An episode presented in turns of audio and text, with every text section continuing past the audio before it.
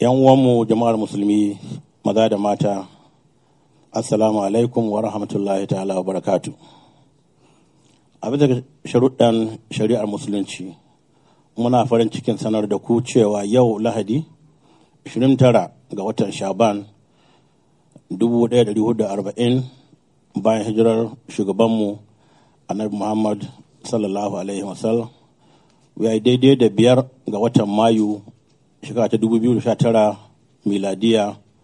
an kawo ƙarshen watan sha'ban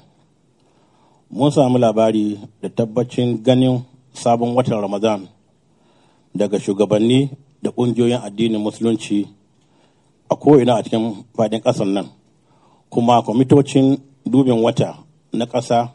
da na jihohi sun tantance kuma mun tabbatar mun amince. Bisa ga haka gobe litinin 6 ga watan mayu shekara ta dubu biyu da goma sha tara miladiya ya zama ɗaya ga watan ramadan shekara ta dubu ɗaya ɗari huɗu da arba'in bayan hijira. Saboda haka muna kira ga jama'ar musulmi